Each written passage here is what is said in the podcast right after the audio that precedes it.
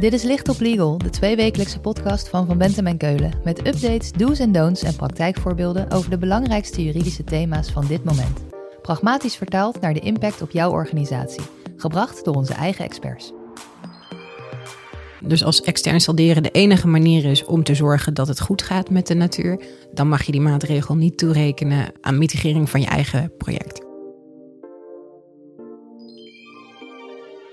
Op 1 april 2022 presenteerde de minister voor Natuur en Stikstof haar gecombineerde aanpak voor natuur- en stikstofbeleid aan de Eerste en Tweede Kamer. De aanpak is nodig om verdere verschraling van de natuur en verlies van biodiversiteit te voorkomen. En natuurlijk omdat we ons gecommitteerd hebben aan Europese en internationale afspraken hierover. Hoe het nu staat met de stikstofaanpak en wat dat betekent voor bedrijven, daar hebben we het in deze licht op legal over met Mathilde van Velzen de Boer. Zij stelt zich even voor.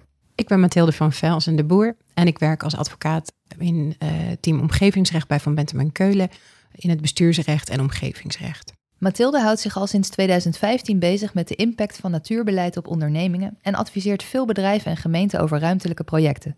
Zij kan je dus als geen ander bijpraten over de huidige stand van de stikstofcrisis. Mathilde, laten we eerst even terugkijken. Wat is er de afgelopen twee jaar gebeurd als het om de aanpak van stikstofuitstoot gaat? Nou, heel kort in uh, 2019 is de landelijke aanpak stikstof zoals we die kenden vernietigd en was het kabinet aanzet. Sinds 2020 hebben we de spoedwet aanpak stikstof gekregen. Um, en daar zijn een heleboel dingen in uh, geïntroduceerd. Maar eigenlijk wel de belangrijkste om nu te noemen is dat uh, de vergunningplicht, zoals we die eerst kenden, is gewijzigd. En dat betekent dat je nu alleen nog een vergunning nodig hebt als je project significante gevolgen heeft. En eerder had je die vergunning ook nodig bij de kans op significante gevolgen. Nou, dat betekent een heleboel in de praktijk. Onder andere dat er meer nadruk ligt op de voortoets. En dat intern salderen, waar we straks nog wel over komen te spreken, vergunningvrij is geworden. Dan hebben we nog per 1 juli 2021 de wet stikstofreductie en natuurverbetering. Daar zitten een paar elementen in. De belangrijkste voor nu zijn denk ik dat er omgevingswaarden zijn die moeten worden gehaald. En dat betekent dat er x procent van de natuur onder een uh, kritische depositiewaarde moet komen in 2025. 2030 en 2035. Uh, er zit een programma stikstofreductie en natuurverbetering in met bron- en herstelmaatregelen om dus te voldoen aan die omgevingswaarden. En dan kun je denken aan het aanscherpen van emissienormen, uh, inrichtingsmaatregelen en een gedeeltelijke vrijstelling van de vergunningplicht voor stikstofemissies die tijdens de bouw, aanleg en sloopfase van projecten ontstaan. Nou, verder hebben we heel veel jurisprudentie over hoe we nou om moeten gaan met die stikstofruimte. Kortom, er zijn een hele hoop maatregelen genomen. Die gaan in de kern om het managen van je stikstofuitstoot als bedrijf. En dat doe je door je eigen uitstoot te verminderen. Maar het kan ook door het verleggen van je uitstoot, toch? Ja, ik denk dat je doelt op intern en extern salderen. Dat zijn manieren om uh, eigenlijk te zorgen dat er onderaan de streep geen toename is van stikstofdepositie. En dat betekent in de meeste gevallen dan dat het dus ook wel goed zit met de natuur en dat jouw project doorgang kan vinden.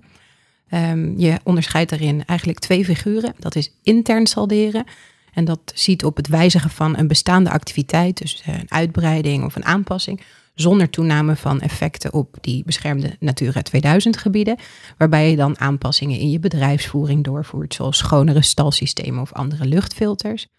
En dan heb je de tweede smaak, dat is extern salderen, waarbij je een uh, andere stikstofbron uitkoopt en de ruimte die uh, daarmee ontstaat ten gunste van een andere, in dit geval jouw ontwikkeling, mag gebruiken.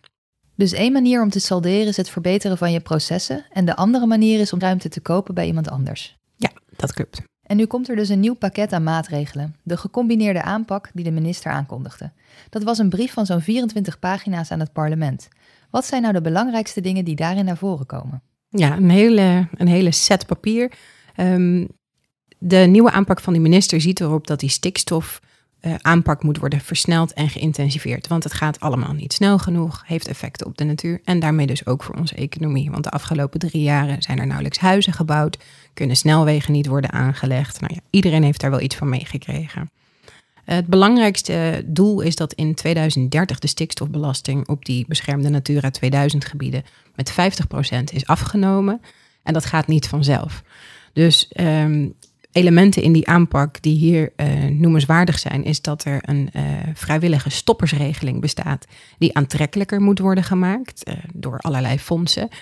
Maar uiteindelijk gaat het er wel om dat de piekbelasters in de industrie harder worden aangepakt.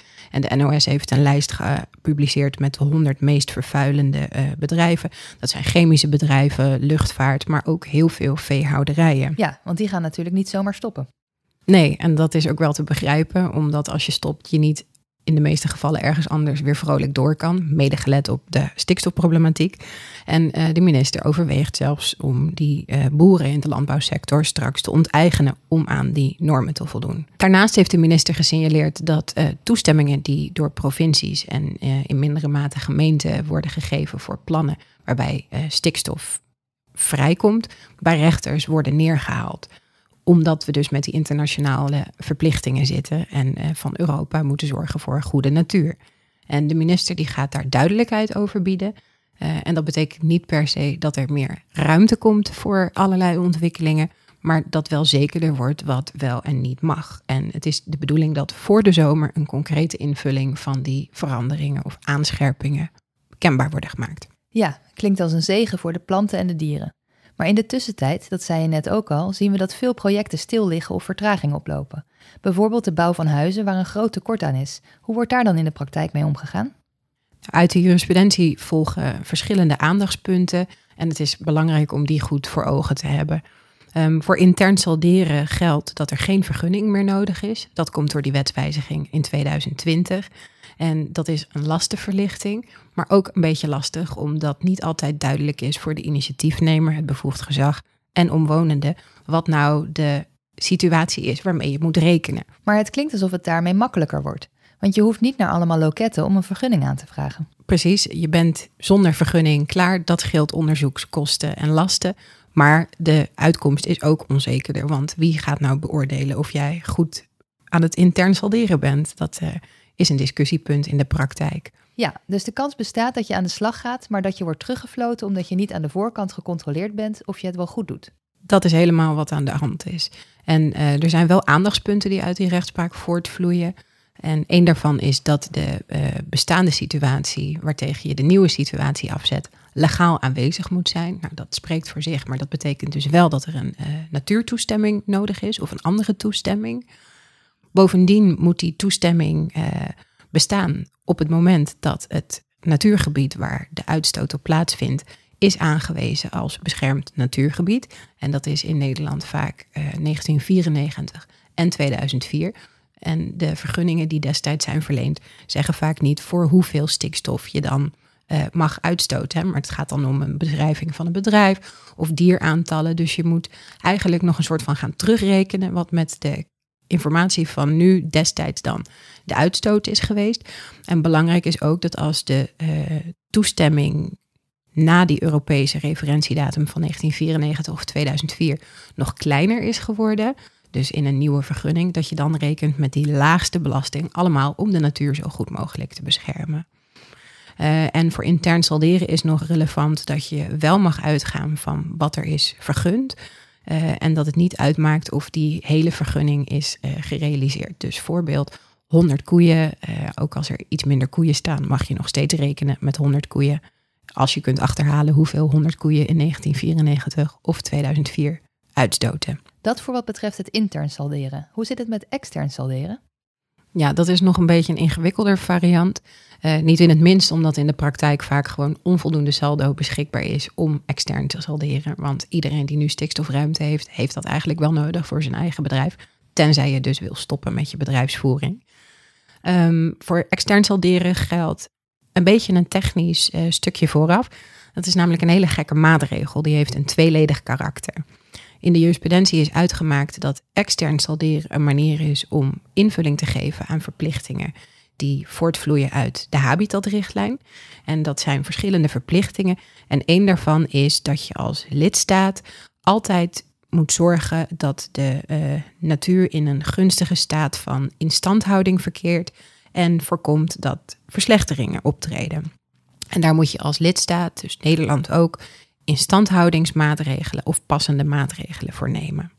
En extern salderen is een maatregel die als uh, passende maatregel kwalificeert. Maar extern salderen is ook geschikt om de eigen projecteffecten die ontstaan te verminderen. Dat noemen wij dan mitigeren. En dan mag je die externe salderingsmaatregel betrekken in de passende beoordeling die je ook op grond van de habitatrichtlijn moet maken bij projecten waar mogelijk negatieve effecten zijn. Dan heb je een maatregel die op twee manieren kan worden ingezet. En dan heeft de rechtspraak uitgemaakt dat je extern salderen alleen voor je eigen project mag gebruiken. Als er voldoende andere en concrete maatregelen overblijven om te voldoen aan die generieke verplichting die je als lidstaat hebt om te zorgen dat het goed gaat met de natuur. En dat is uh, een zware motiveringseis en best ingewikkeld in de praktijk. Dus betekent dat dat je altijd eerst moet kijken naar de natuur en dan pas naar je eigen project? Ja, dus als extern salderen de enige manier is om te zorgen dat het goed gaat met de natuur, dan mag je die maatregel niet toerekenen aan een aan mitigering van je eigen project. Daarnaast zijn er nog een paar aandachtspunten die in de uh, jurisprudentie zijn uitgemaakt. En een daarvan is dat uh, salderen alleen mogelijk is met deposities die al waren vergund op die referentiedatum en nog aanwezig waren of konden zijn op het moment dat uh, die vergunning wordt ingetrokken. Dat is eigenlijk een beetje hetzelfde als met intern salderen. De laagste depositie geldt. Het gaat dan niet alleen om een vergelijking van de toe- en afname van de stikstof. Uit de jurisprudentie volgt dat je als bevoegd gezag uh, moet vergewissen dat er andere maatregelen bestaan, maar ook hoe die andere maatregelen invulling geven aan die instandhoudings- en hersteldoelen van die habitatrichtlijn. En het is best moeilijk om na te gaan wat nou de toegestane uitstoot was op die referentiedatum. Dan volgt nog uit provinciale beleidsregels dat je uh, bij het saldo uit moet gaan van de feitelijk gerealiseerde capaciteit en niet van de vergunde capaciteit in zo'n vergunning. En dat is een behoorlijke beperking, want hè, weer het voorbeeld van die 100 koeien, als je daar toestemming voor hebt, maar er staat een stal voor 50 koeien, dan heb je de helft minder uitstoot waarmee je mag rekenen. Ook zit in die beleidsregels dat 30% van het saldo wordt afgeroomd en ten goede komt aan natuur. En dat je dus maar 70% van die 50 koeien in dit geval mag benutten voor je eigen bedrijf. Nou, om te zorgen dat uh, stoppersruimte, zoals ze dat noemen, niet dubbel of voortijdig wordt ingezet, moet ook verzekerd zijn dat de activiteiten van de saldogever, dus het stoppende bedrijf, echt gestaakt zijn voordat je die emissieruimte benut voor je eigen nieuwe ontwikkeling. Dus er is directe samenhang nodig. Uh, en wat dan wel mogelijk is, is om stikstofuitstoot en ammoniakemissie, twee verschillende uh, chemische componenten, onderling uit te wissen. Dus een saldogever kan ammoniakemissie veroorzaken en een saldo-ontvanger uh, stikstofuitstoot. En dan gaat het bij het beoordelen van de gevolgen om de hoeveelheid stikstof per hectare per jaar. En daarbij is dan niet van belang of die afkomstig is uit ammoniak of eh, stikstof. En dat is misschien een schrale troost. Dat is inderdaad een schrale troost. Maar er is dus wel een optie om een andere partij uit te kopen. Maar nu kan ik me voorstellen dat binnen een gebied meerdere partijen azen op hetzelfde bedrijf om extern te salderen. Ja, dat klopt. Je ziet ook dat er uh, soms depositiebanken ontstaan. Hè? Dus dat er een bedrijventerrein stopt en dat dan alle ruimte die daarvan ontstaat, wordt opgekocht en in een soort van ja, uh, depositiebank wordt gestopt. Een saldo, dat wordt bepaald en dat kan dan worden toegewezen aan andere nieuwe activiteiten. Dus we hebben nog geen run op stikstofrechten. Dat komt ook door het huidige onzekere klimaat en de maatregelen die er aan lijken te komen. Um, maar dat is niet uitgesloten. En nu hebben we het in deze podcast ook regelmatig over de omgevingswet. Dat is die nieuwe wet waar alle andere wetten die met de openbare ruimte te maken hebben onder gaan vallen. Zijn er gevolgen voor het stikstofbeleid door die wet? Nou, de wet natuurbescherming waar stikstof nu in is geregeld, die gaat helemaal op onder de omgevingswet. Um, en het idee daarachter is dat er sprake is van een beleidsneutrale wijziging. Dus dat geldt ook voor stikstof. Um, de bescherming blijft hetzelfde, maar door die omgevingswet verandert de structuur van de wetgeving en de mogelijkheden zoals we die nu kennen wel. Uh, en kernwoord van de omgevingswet, het is hier vaker gezegd, gaat om de fysieke leefomgeving. En daar valt natuur dan ook onder. Um, dus de informatie blijft ongeveer hetzelfde, maar wel verspreid. Dus zijn er dan geen dingen die veranderen? Voor stikstof specifiek en natuur in zijn algemeenheid zijn er een uh, paar nieuwe dingen. Um, zo moeten uh, de bevoegde gezagen een omgevingsvisie opstellen. Dat volgt uit de omgevingswet. En daarom moet je dan de hoofdlijnen van de kwaliteit van die fysieke leefomgeving, waar dus ook natuur onder valt, beschrijven. En voor gemeenten is dat nieuw. Die mogelijkheid bestaat nu net niet onder de wet natuurbescherming. Ehm, de vraag is alleen wat dat precies met zich brengt, omdat er niet zoveel eisen aan de invulling uh, worden gesteld. Dus de gemeente is daar vrij in, maar het is wel nieuw ten opzichte van nu. Dan zijn er ook programma's onder de omgevingswet. Daarin kunnen uh, de provincies en gemeenten, maar ook op rijksniveau, um, omgevingswaarden vaststellen, zoals we die nu al voor stikstof kennen. Uh, en dat biedt de mogelijkheid om een lokale programmatische aanpak stikstof te voeren. Dat is ook nieuw ten opzichte van de huidige situatie. Dan als laatste het gemeentelijk omgevingsplan. Dat is één regeling voor de fysieke leefomgeving, voor het grondgebied, waarin integraal alles wat er uh, op je grondgebied gebeurt inzichtelijk zou moeten zijn. Uh, en daarin kun je ook omgevingswaarden of doelstellingen voor die fysieke leefomgeving formuleren. En uh, dat mogen expliciet doelstellingen op het gebied van natuur en landschap zijn, waar stikstof uiteindelijk ook onder valt. Maar dat hoeft niet. En dat is ook iets wat momenteel nog niet kan. Dus dat zorgt er eigenlijk voor dat gemeenten um, ook op stikstofbeleid meer de regie kunnen voeren. Uiteraard binnen de kaders die het Rijk schetst. Maar dat betekent wel dat als het om stikstof gaat, er nog een loket bij gaat komen. Het idee van de omgevingswet is de één loketgedachte en eenvoudig beter. En of dat in de praktijk daadwerkelijk zo is, uh, moeten we nog maar bezien. En als ik nou bezig ben met deze problematiek, wat moet ik dan direct na deze podcast gaan doen? Nou, ik zou zeker met hulp van ecologen, omdat het nogal een technisch verhaal is, goed in kaart laten brengen welke natuurwaarden nou in de buurt van jouw project zitten. Als je wil uitbreiden, uiteraard. En dat je dan laat onderzoeken wat de effecten zijn van die uitbreiding of wijziging op de natuurgebieden waar het om gaat. En niet in het minst kijken of je stikstofruimte van uh, bedrijven in de omgeving kunt overnemen, zodat je in elk geval een kleine buffer hebt, mocht je wat willen in het leven. Mathilde, dankjewel. Als we meer willen weten, waar kunnen we dan terecht? Je kunt me altijd mailen op mathildevanvelzen.vbk.nl en dat is van Velzen met Z-E-N, zoals Roel van Velzen, de zanger, geen familie. En mijn telefoonnummer vind je op onze website. Dit was Licht op Legal, een podcast van Van Bentem en Keulen. Te beluisteren via Spotify, Apple Podcasts of je eigen favoriete podcast-app.